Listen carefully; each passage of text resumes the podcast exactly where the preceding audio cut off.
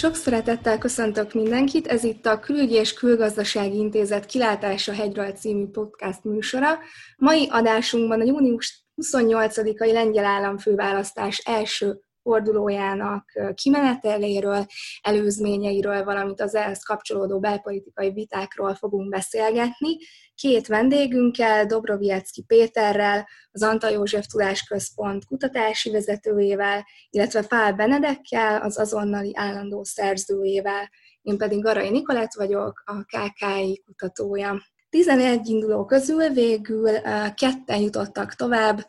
a június 28-ai lengyel államfőválasztás első fordulóján. A jelenlegi államfő Andrzej Duda, aki a jog és igazságosság kormánypárt jelöltje, 43,5%-kal jutott tovább, illetve a második helyen Rafael Cseszkowski 30,46%-kal végzett, aki a legnagyobb ellenzéki blokk, a polgári koalíciónak a jelöltje, valamint a Varsó jelenlegi főpolgármestere. Mielőtt rátérnénk arra, hogy vendégeink hogyan értékelnék az első forduló eredményeit, az lenne hozzátok az első kérdésem, hogy szerintetek mik voltak a választásnak a fő kampánytémái, és hogy kik voltak azok az indulók, akik még részt vettek az első fordulóban. Vagy én elsőnek Pétert kérdezném. Üdvözlöm a hallgatókat, köszönöm a kérdést. Egy nagyon furcsa kampányról beszélhetünk, hiszen a koronavírus járvány Lengyelországot is nagyon komolyan érintette, sőt, még most is érinti, hiszen Európa azon kevés országai közé tartozik, ahol a járvány még azért sajnos mindig aktív, elég aktívan jelen van. A kampány ennek megfelelően februárban kezdődött Lengyelországban, és márciusig egy szokásos kampány tematikájával zajlott, mindenki a saját programját kerekítette ki. Andrzej Duda a hivatalban lévő kormányfő a, a kormány és a köztelévő jó kapcsolatot, illetve az elmúlt négy évben elért sikereket ö, hangsúlyozta ki, míg a ellene induló jelöltek politikai hovatartozásukat megfelelően kritizálták az ő kormányfői tevékenységét, azaz, hogy a jogi igazságosság kormányának legtöbb döntését elemetés nélkül megerősítette államfőként, vagy próbáltak beemelni új politikai és gazdasági kérdéseket a kampányba. Ezt írta felül a koronavírus járvány, hiszen a márciusi megjelenés követően az a furcsa helyzet alakult ki Lengyelországban, hogy a, a, a tényleges fizikai kampány teljesen leállt, online rendezvények zajlottak még, de ezek is bőven háttérbe szorultak a, a védekezés során, ahol Andrzej Duda, mint hivatalban lévő kormányfő, nagyon jól tudta prezentálni az erős, az állampolgárokat együttesen képviselő kormányfő szerepét, aki mindenhol ott van,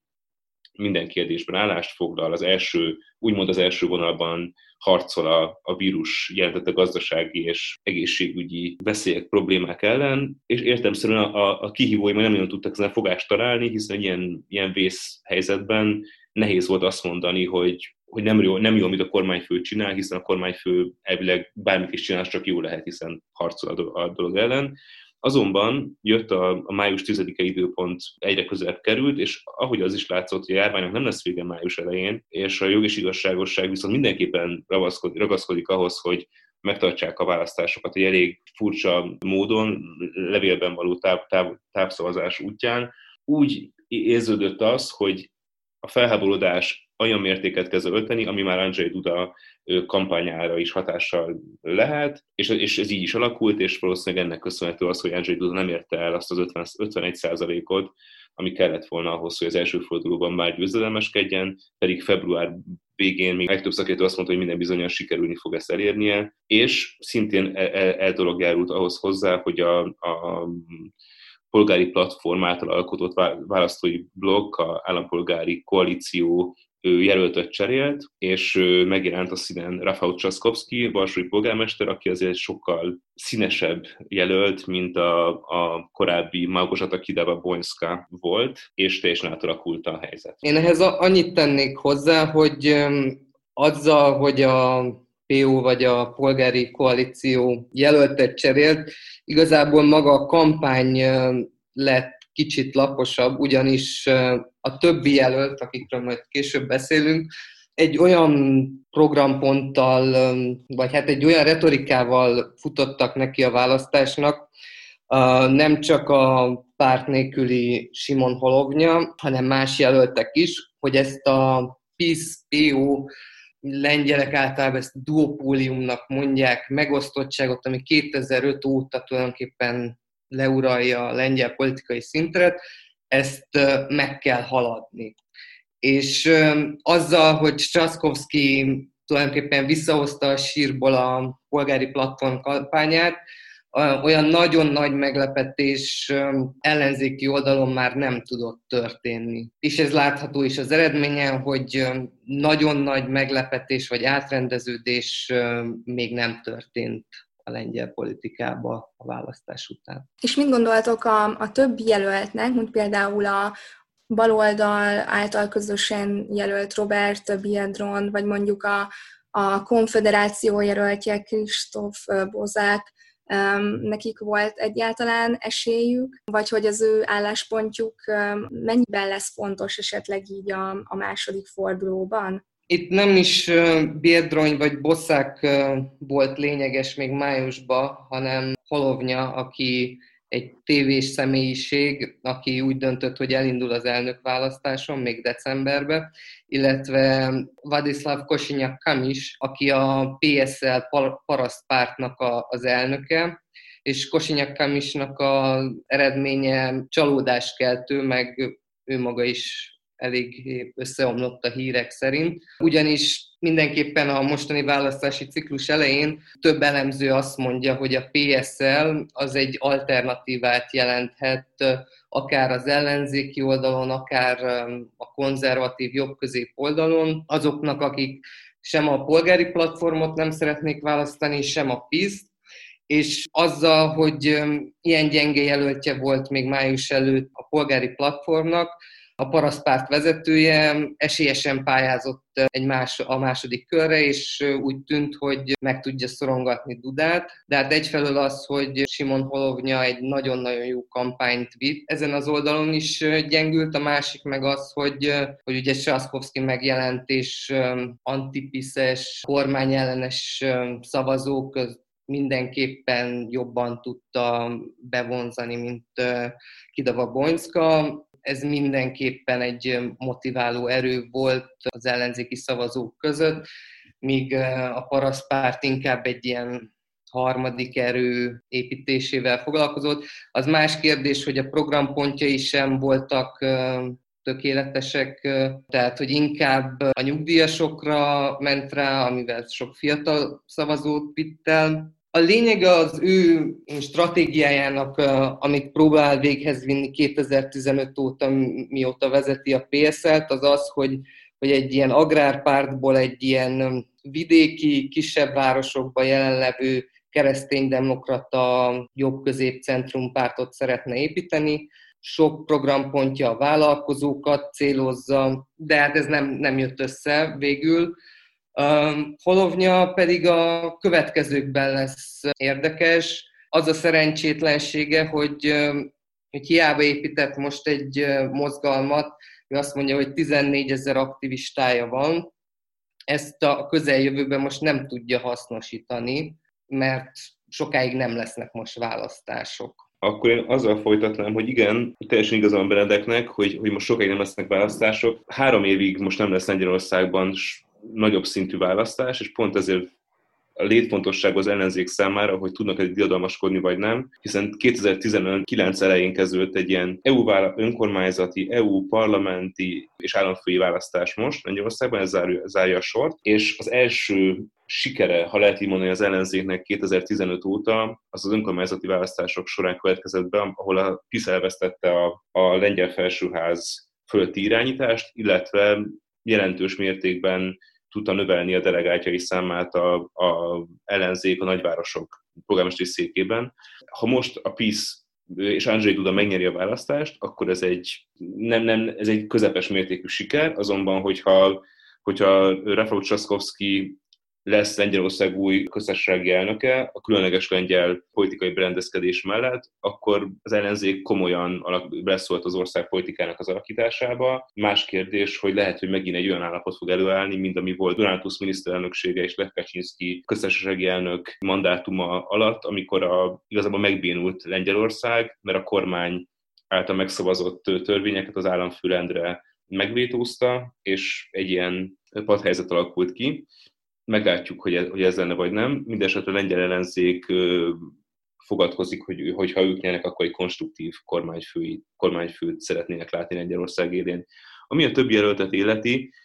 a PSL mellett, a lengyel parasztpárt mellett azért számomra nagy meglepetés volt, hogy Robert Diedron, aki a, ezúttal a Vioszna tavasz saját mozgalma élén indult, de azért ő a tavalyi választásokon még a Egyesített Baloldali pártkoalíció oszlopos tagjaként volt jelen, csak 2,2%-ot ért el, hiszen ő volt a, az egyetlen talán dedikáltan baloldali jelölt ezen a választáson, és az, az ő ilyen gyenge szereplése azt mutatja, hogy, hogy igazából a klasszikus baloldali pártoknak nem jött el az a, az a mini reneszánsza, amiben ők bíztak a, a tavalyi 12,5%-os önkormányzati választások eredmény tükrében. Szintén fontos megemlíteni már csak a kampány miatt is, ahol ugye a, a szexuális kisebbségek társadalomon belüli szerepe nagyon erőteljesen nek a kérdés nagyon erőteljesen tematizálva volt, hogy Robert Pietron volt Lengyelország történetében az első nyíltan homoszexuális jelölt, aki egy nagyon sikeres politikai pályafutást tud maga mögött, mégis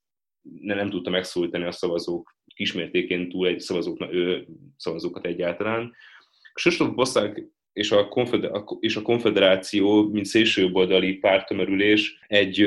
másik érdekes kérdés, hiszen Kristóf Bosszákról érdemes azt tudni, hogy ő 30-as éveinek a végén járó fiatalemberről van szó, aki korábban a Nagy Lengyel Ifjúság szélsőjobboldali ifjúsági szervezetnek volt a vezetője, és bár úgymond csak 6,7%-ot kapott, majdnem 6,8%-ot kapott a, a választásokon, a 18 és 29 év közötti szavazók majdnem 25%-a, tehát majdnem minden negyedik lengyel első szavazó, vagy, vagy, vagy fiatal szavazó a szélső oldalra adta le a voksát, és azért ez egy intő példa lehet a lengyel közélet számára. Az ő, ő feltűnése nem meglepetésszerű, a lengyel szélső oldal már évek óta azon fáradozik, hogy kiléphessen a PISZ árnyékából. Fontos látni azt, hogy a PISZ-en belül is vannak különböző frakciók, és a pártnak van egy, egy liberálisabb, egy, egy központi, meg egy jobboldali, erősen jobboldali szárnya, és PISZ sokáig törekedett arra, hogy a erősen jobboldali megosztó kérdések fel, felkorolásával ne engedjen teret más nála jobb, jobbra lévő pártok felemelkedésének. Azért a tavalyi választások, illetve a mostani elnökválasztás eredményei mutatják, hogy ez nem sikerült teljesen a, a PISZ-nek. A kampányra még visszatérve egy mondat elég, csak azt érdemes szintén kiemelni, hogy ez egy nagyon negatív kampány volt, és valószínűleg nagyon negatív kampány lesz a második fordulót megelőzően is, hiszen a személyeskedésen túlmenőleg az ideológiai és világnézeti kérdések beemelésével egy ilyen jó versus rossz erői csatává próbálták egyes kampánystábok minősíteni a kampányt. Egyértelműen látszott az Andrzej Duda és Rafał Trzaskowski esetében. Andrzej Duda a pont a, a gender kérdés ö, hangoztatásával azért mozdult el ebbe az irányba, hogy, hogy alávágja Rafał Saszkowskinak, aki Varsó polgármestereként bevezette a Varsó gimnáziumaiban a szexuális felvilágosítás részeként a szexuális kisebbségekkel kapcsolatos oktatást, ami ugye a konzervatív lengyel társadalom, a lengyel társadalom konzervatív részében azért egy elég nagy felhődülést váltott ki, Más kérdés, hogy Rafał Csaszkowskinak nem ártott meg az, hogy támadták a polgármesteri tevékenységét. Éppen ezért most a, a kampány legújabb forduló, ő, fordulata az az, hogy Andrzej Duda inkább Rafał Csaszkowski kormányzati múltjával próbálja őt diszkreditálni, hiszen Rafał Csaszkowski korábban volt miniszter, volt külügyminiszter helyettes, tehát ő inkább azt, azt hangsúlyozza ki most Andrzej Duda. A napi szinten lehet látni ezt a lengyel hírekben, hogy most országjáró körúton van éppen, és bárhol jár, felhívja a figyelmet, hogy úgymond bezzeg a Rafał Trzaskowski fémjelezte polgári platform kormány alatt mennyivel rosszabb volt a helyzet, mint most. A, én Biedronyhoz azt tenném hozzá itt, hogy nem feltétlenül a baloldal gyengesége jelentette az ő kudarcát, vagy ezt a gyenge eredményt. Ez azt is jelenti, hogy Biedrony eléggé elfáradt az elmúlt másfél évben, és emellett van egy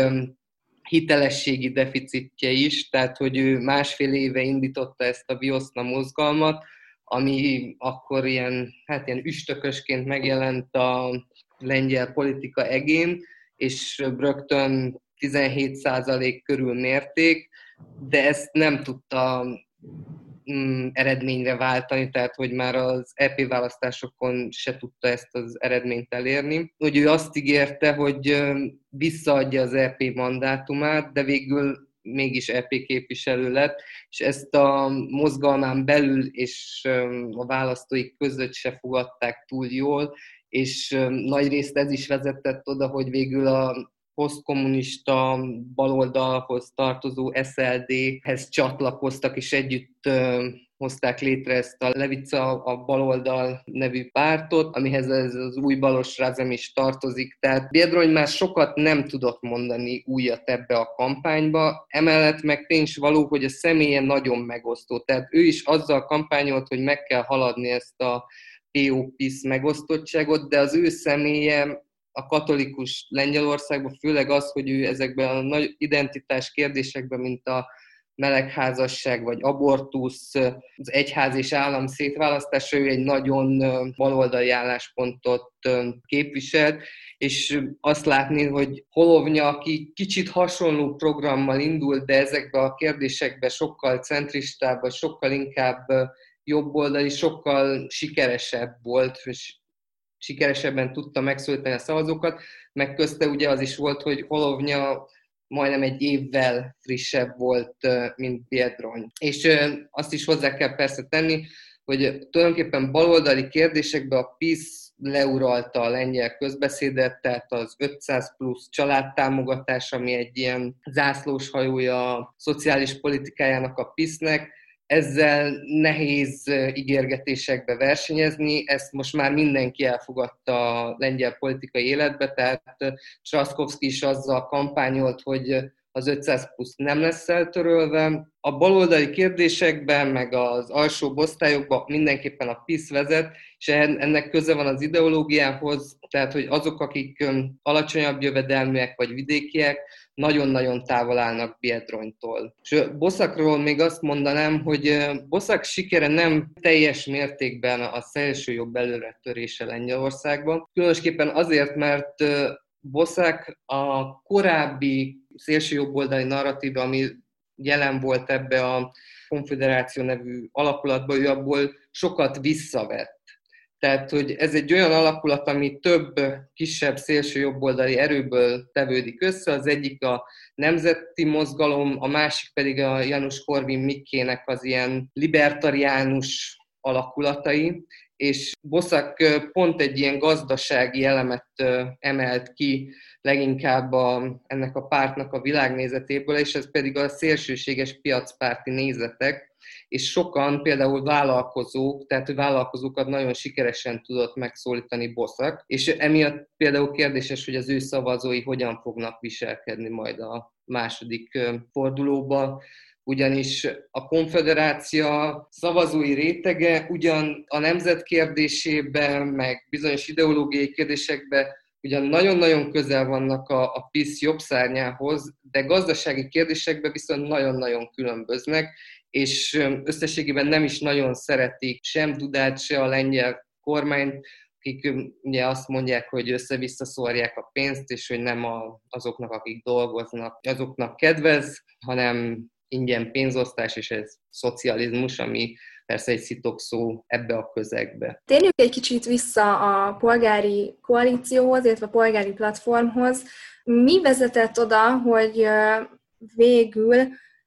Kideva Blonska helyett Csaszkowski lett a formációnak a jelöltje. Mondhatjuk azt, hogy Kideva Blonska volt a koronavírusnak a legnagyobb áldozata e tekintetben? Vagy szerintetek, hogyha nem lett volna a koronavírus, akkor ő túlélte volna azt jelöltként? Hát, jó kérdés. Az biztos, hogy az ő jelölését egy komoly kormányfőjelölt casting előzte meg a, a polgári platform táborán belül, hiszen mindenki arra számított, hogy Donald Tusk visszatérhet a lengyel belpolitikába, és ameddig ő nem, nem jelezte azt, hogy inkább a néppárt érén képzeli el a karrierjének a következő lépését, addig mindenki Donald Tusk ott jelölte volna a polgári platform táborából. Onnantól kezdve, hogy ez kiderült, volt egy nyitott szakasz, amikor aki jelöltetni akarta magát, az jelöltetette, és végül Kedava Bonska méretette meg magát Poznány polgármesterével, és elég magabiztosan nyert is. Innen kezdődött a kampány január-februárban, viszonylag jól teljesített Kedava Bonska, de, de nem volt kiemelkedő, és, és ahogy Brent is mondta, azért Simo Holvinának a, a független anti-establishment, se PO, se narratívája sokáig nyerőnek bizonyult az ellenjelöltek között, vert 10-11 százalékot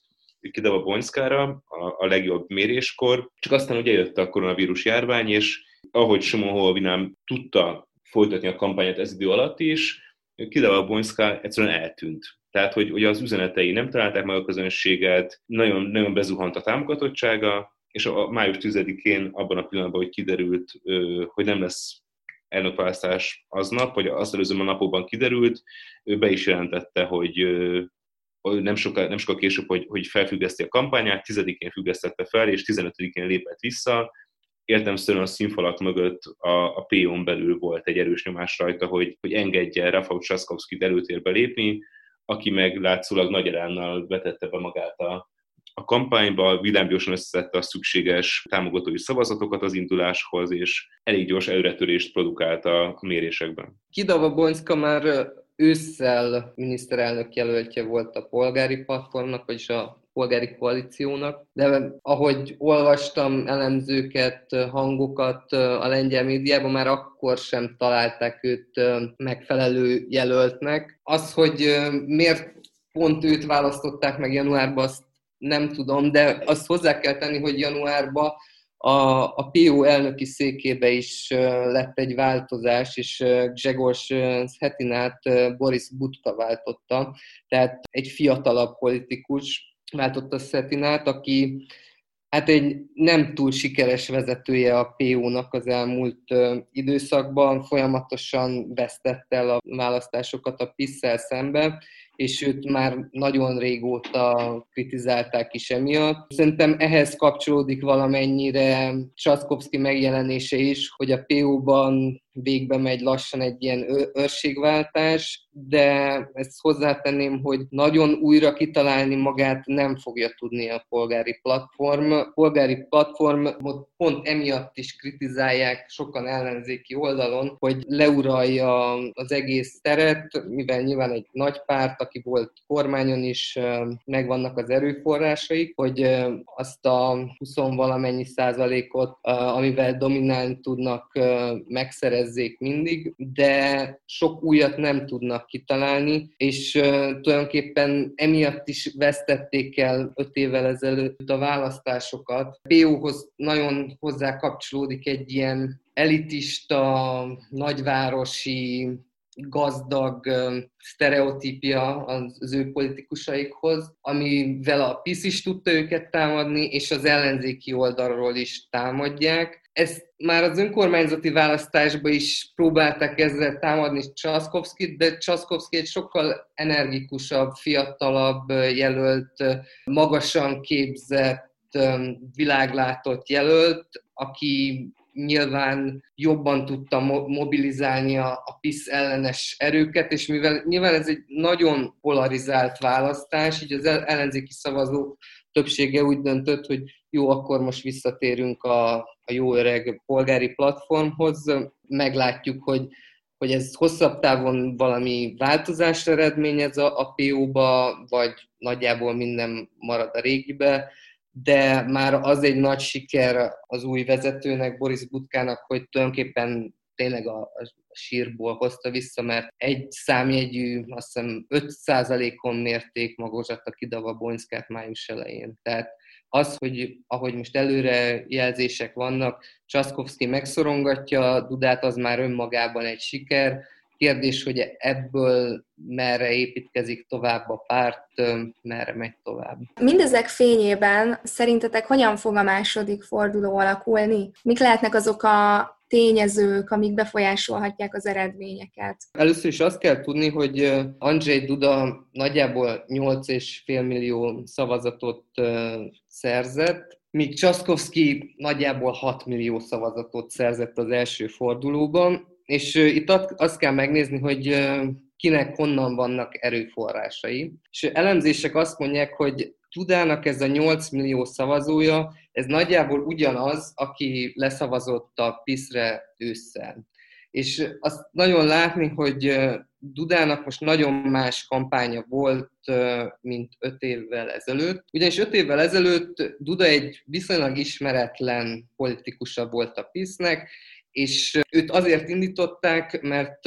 Jaroszláv Kaczynski, a PISZ pártelnöke egy nagyon megosztó figura. És ő hátrébb lépett, és előtérbe rakta Dudát, aki egy mérsékelt jelöltként tudott megjelenni, akkor még ő nagyon fiatalosnak számított Bronislav Komorovszkival szemben, aki a, akkoriban a polgári platform jelöltje volt. De ezzel szemben most Duda az elmúlt öt évben ő nem nagyon törekedett arra, hogy ő ne tűnjön egy pártos elnöknek, és ez meglátszódott a kampányában is, tehát a meleg ellenes kiszólásai azok mindenképpen a piszes kemény magnak szóltak. Tehát nem nagyon látni, hogy Duda ő honnan fog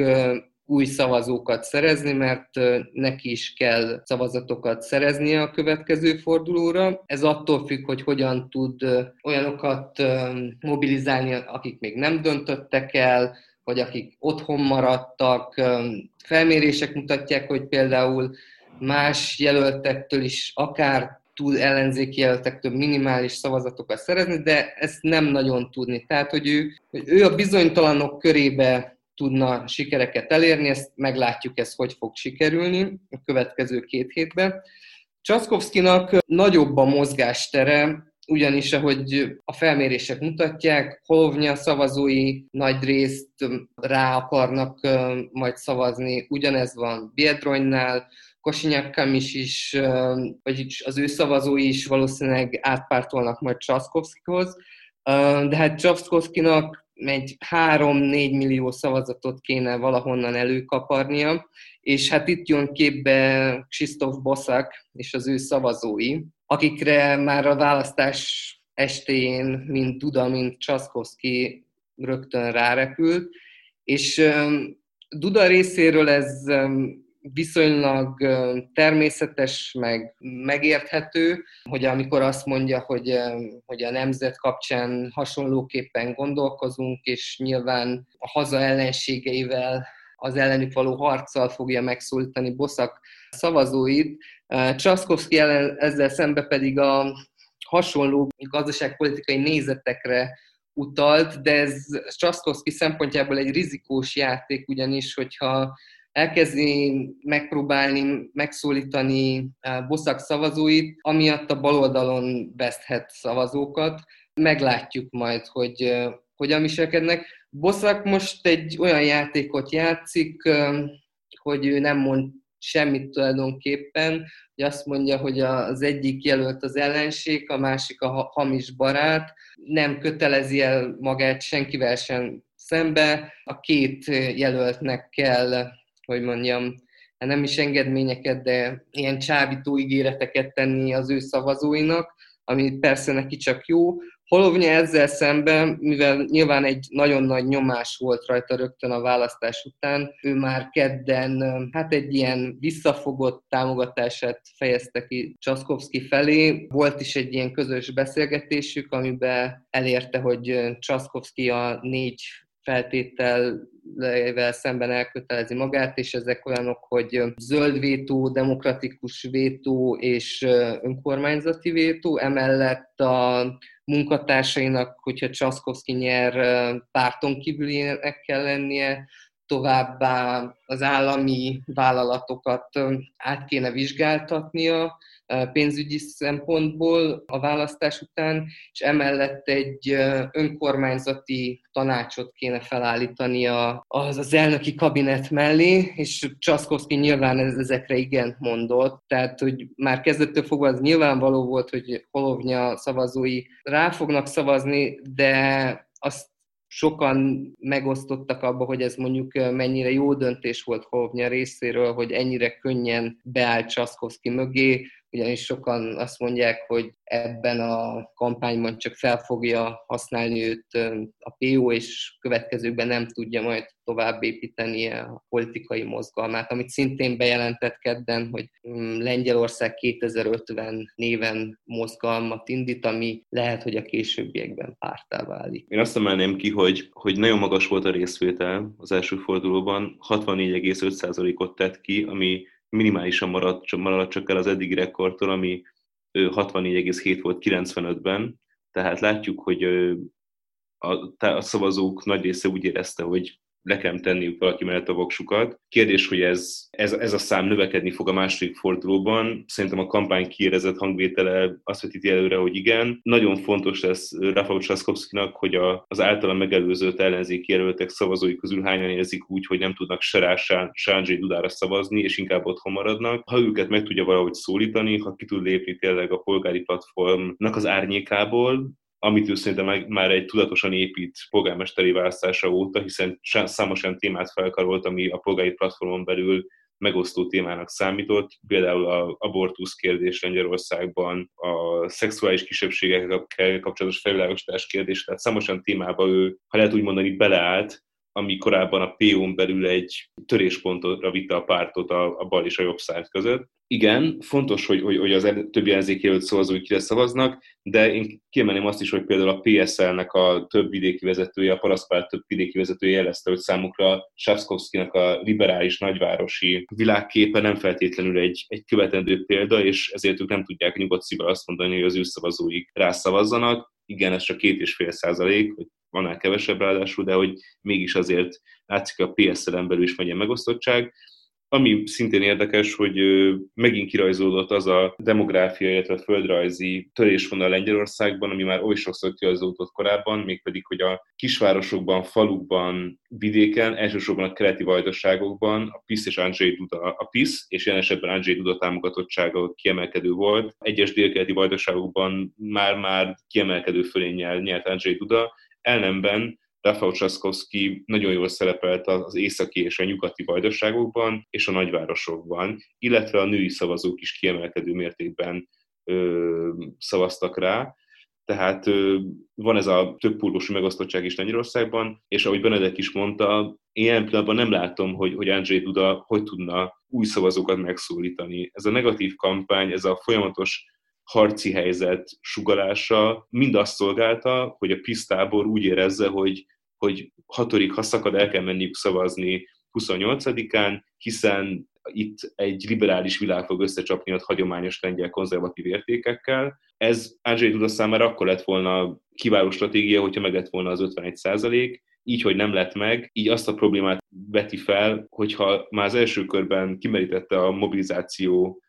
lehetőségeit, akkor honnan lesz meg számára az a X plusz szavazó, amely szükséges lehet, hogyha Rafał Trzaskowski behúzza a többi ellenzéki jelölt szavazónak is a támogatottságát. Ez egy kérdés sokan ezért azt jósolták előre még a választások előtt, hogy, hogy Andrzej Duda amennyiben nem gyere az első fordulóban úgy stílust fog váltani, és a gazdasági kérdéseket fogja előtérbe helyezni. A lengyel kormánynak van most pár ilyen grandiózus projektje, mint a Viszva torkolatának, a Gdańsk-öbölben lévő Viszva torkolatnál egy ilyen csatorna kiépítése, ami, ami a víziközlekedés a régió gazdasági felvilágosítása szempontjából lenne fontos. Ez már ugye folyamatban van március óta ez a csatorna építésű munkálatok. Másik ilyen kérdés a nagy központi kommunikációs hubnak a létrehozása Lengyelország közepén.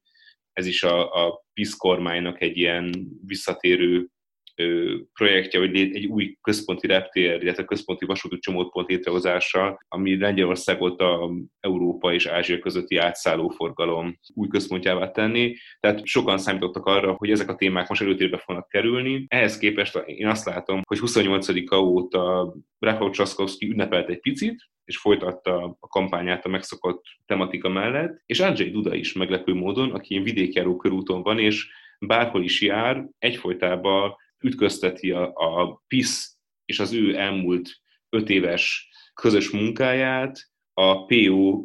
korábbi 7-8-9 évvel ezelőtti kormány, kormányával, legutóbb egy rendőrösön járt például a dél, déli vajdaságokban, ahol ahol az volt az üzenet, hogy most nyitottak itt egy új rendőrörsöt, miközben Rafał Csaszkowski minisztersége alatt 20 hány őrsöt zártak be Lengyelországban. Számomra kérdéses, hogy, hogy ilyenfajta tematizálása a kampánynak meg tud-e szólítani új szavazókat a kemény vonalas PISZ szavazókon kívül. Hiszen aki Andrzej Dudára szavazott eddig, az, az pont az ilyen dolgok miatt, illetve a szociális intézkedések miatt szavazott rá. Egy új szavazó viszont nem azt fogja nézni, hogy, hogy mi történt 8-9-10 éve, hanem azt fogja mérlegelni, hogy, hogy mi a vízió a jövőre, illetve az elmúlt időszakban szerinte megfelelő irányba halad Lengyelország, vagy sem. Én még annyit tennék hozzá, hogy Péter mondta, hogy 95-ben volt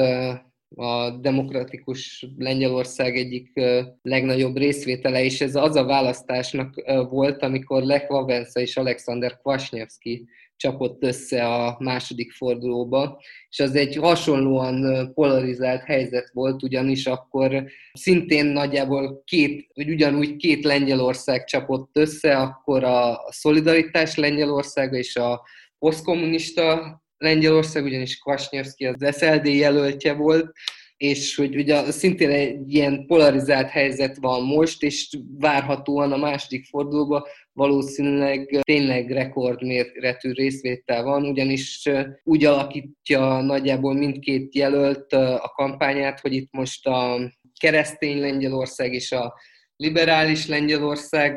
csap össze, vagy a szabad Lengyelország és az, akik egy pártrendszert akarnak bevezetni, tehát hogy, hogy ez, a, ez a polarizáció, ez